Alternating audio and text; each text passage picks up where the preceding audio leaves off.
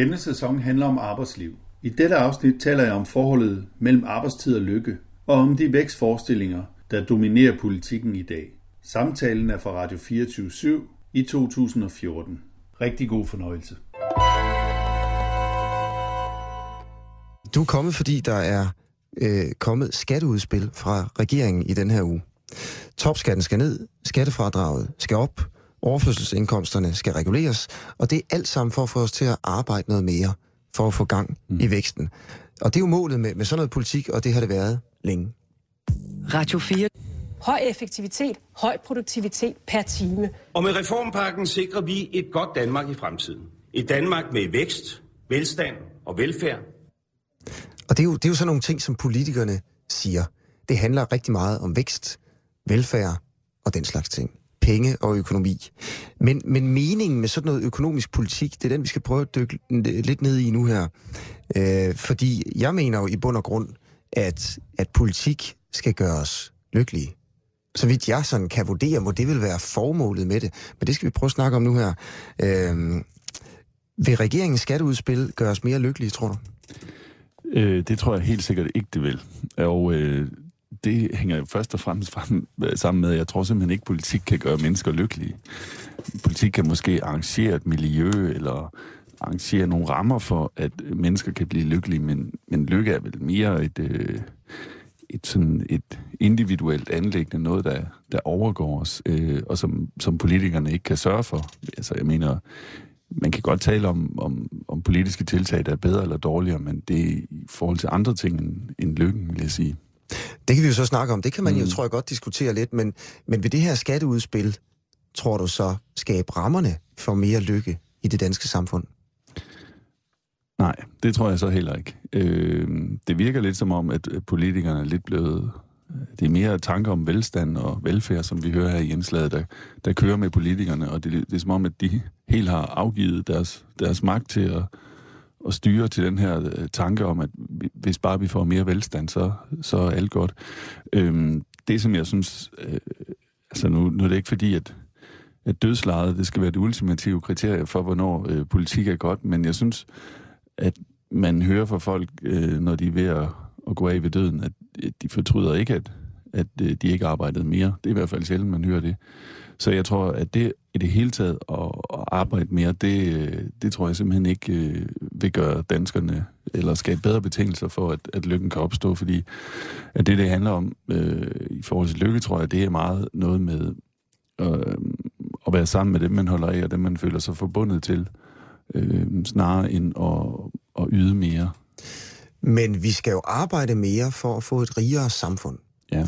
Sådan at vi for eksempel ikke forfalder til, til fattigdom og, og armod og, og den slags ting. Er det ikke også en meget god øh, grund at stå på, hvis man skal opnå et lykkeligt liv? Øh, det, det, man kan selvfølgelig ikke benægte, at, at det er bedre at være rig end fattig. Øh, fordi hvis, man, øh, hvis vi er et bedre, rigere samfund, så kan vi købe flere plejehjemspladser og flere, mere sundhedsvæsen. Og, Men bliver man så lykkeligere af det? Øh, nej, det tror jeg ikke. Og jeg tror heller ikke, det handler... Jeg synes, samtidig med, at man er fokuseret på velstand, så er man også fokuseret på, at vi skal have længere liv og opereres. Men hvis man, øh, hvad kan man sige, hvis man sætter arbejdstiden ned, så vil man øh, få mere tid sammen med dem, man holdt af i den livstid, hvor man faktisk fungerer. Så, så, så jeg tror egentlig, det vil give mere, mere tid sammen med dem, man holdt af. Så i virkeligheden går vi den forkerte vej, hvis det handler om at skabe lykke? Øh, ja, det tror jeg. Men, men igen, altså politikken kan ikke, vi kan ikke gøre staten ansvarlig for, at vi er ulykkelige. Det, det, det vil være for meget, men det i forhold til at skabe øh, betingelser øh, for, at, at folk kan gøre det, for eksempel som de har lyst til, de ting, der giver mening for dem, øh, sådan nogle ting, som jeg mener er komponenter i lykken, at, at, øh, at man ser, at man gør en forskel i verden, at man ser, at man øh, at de, de ting, man laver, giver mening, og det er ikke bare noget med, at man arbejder for andre for at tjene penge.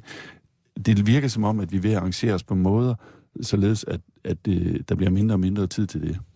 Men du siger, at staten ikke kan skabe lykke, mm. men hvis vi nu prøver at kigge på Grækenland, mm. tror du så ikke, at staten har skabt ulykke hos mange grækere? Eller for at tage det helt grælde eksempel, Hitler og Nazi-Tyskland, at staten gik ind og, og skabte lykke og ulykke? Mm. Altså, det, det kan staten vel godt gøre. Nu siger du, de ikke kan, men... Ja, ja altså staten kan, mm, hvad kan man sige, den kan påvirke øh, menneskers liv, men jeg tror, at der findes mange øh, grækere, der føler sig lykkelige sammen med deres familie, selvom de er fattige. Altså, tror jeg ikke, vi kan...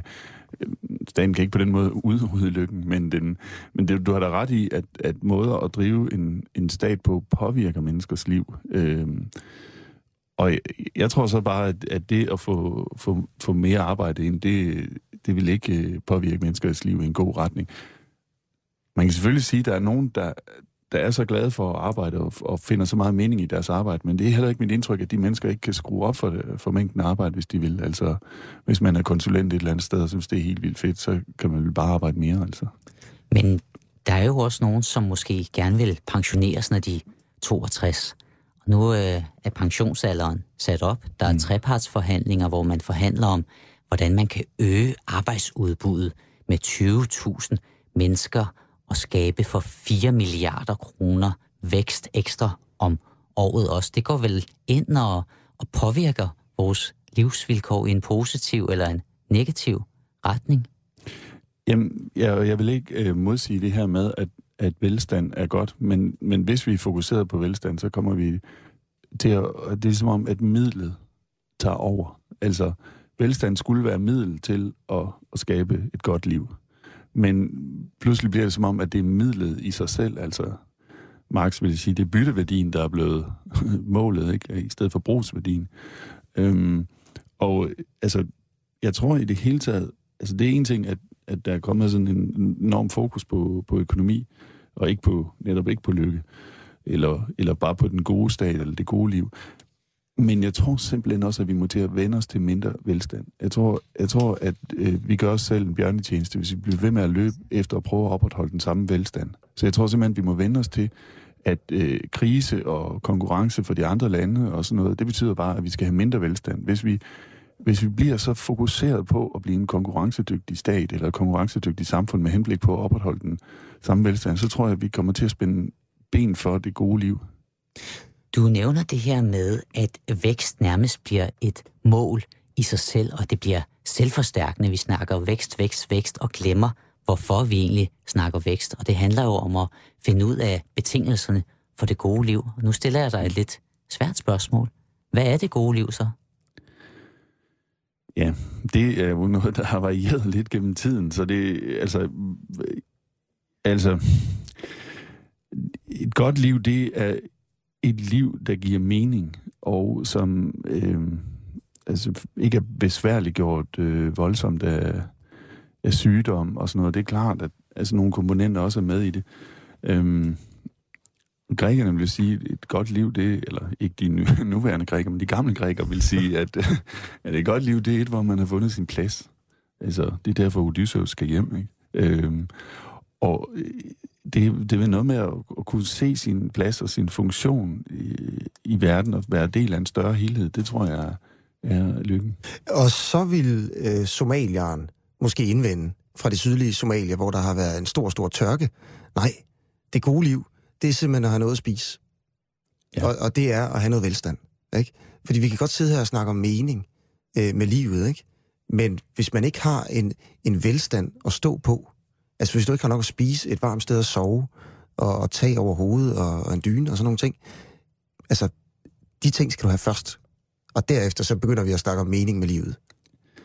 Ja, det er rigtigt, og jeg, jeg mener heller ikke, at vores velstand er så troet, at vi ikke har noget at spise og noget at drikke. Altså, men vi kan måske bare ikke for, forvente i fremtiden at have de samme sundhedsydelser, eller de samme øh, øh, plejehjemsydelser, eller de samme øh, øh institutionspladser, eller, eller hvad det nu end må være. Øh, og så synes jeg, altså, det er jo rigtigt, vi skal ikke indrette vores politik efter, hvad, hvad en somalier vil synes, men det er rigtigt, vi skal selvfølgelig ikke risikere, at vi ikke har noget at spise og drikke, men det synes jeg heller ikke, det er det, der er tale om. Nej, det er måske rigtigt nok. Vi skal, ja. Men vi skal i hvert fald sørge for at ikke blive for fattige. Ja. Nede i Bhutan, vil jeg godt fortælle dig, der har man jo lavet et bruttonational lykkeindeks. Og hver gang man laver en politik, så måler man lykken øh, som den her politik vil skabe. Og der er sådan forskellige øh, parametre for national lykke. Psykologisk velvære, sundhed, uddannelse, kulturel mangfoldighed, samfundets energi, god regeringsførelse, økologisk mangfoldighed, levestandard. Der kom den så. økonomien, ikke? men det er bare en blandt mange. Balancen mellem liv og arbejde er også et, et parameter dernede. Synes du, at vi i højere grad herhjemme skulle øh, overveje de her ting, når vi laver et, et skatteudspil næste gang?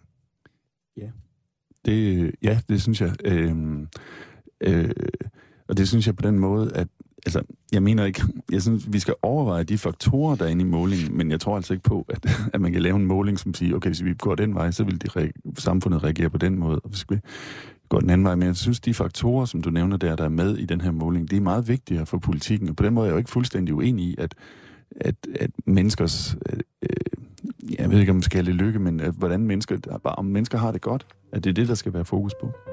Okay, tak til dig, filosof Anders Fogh Jensen, for at snakke lidt om skatteudspil og, og lykke og det gode liv.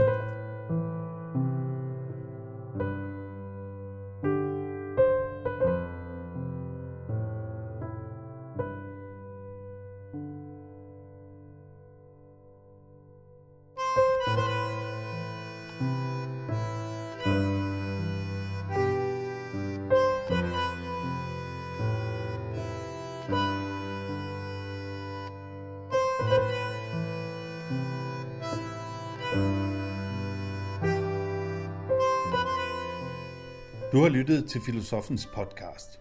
Se mere på min hjemmeside filosofen.dk og tag med mig på dannelsesrejse. Se dannelsesrejser.dk. Mit navn er Anders Fogh Jensen. Tak fordi du lyttede med. thank you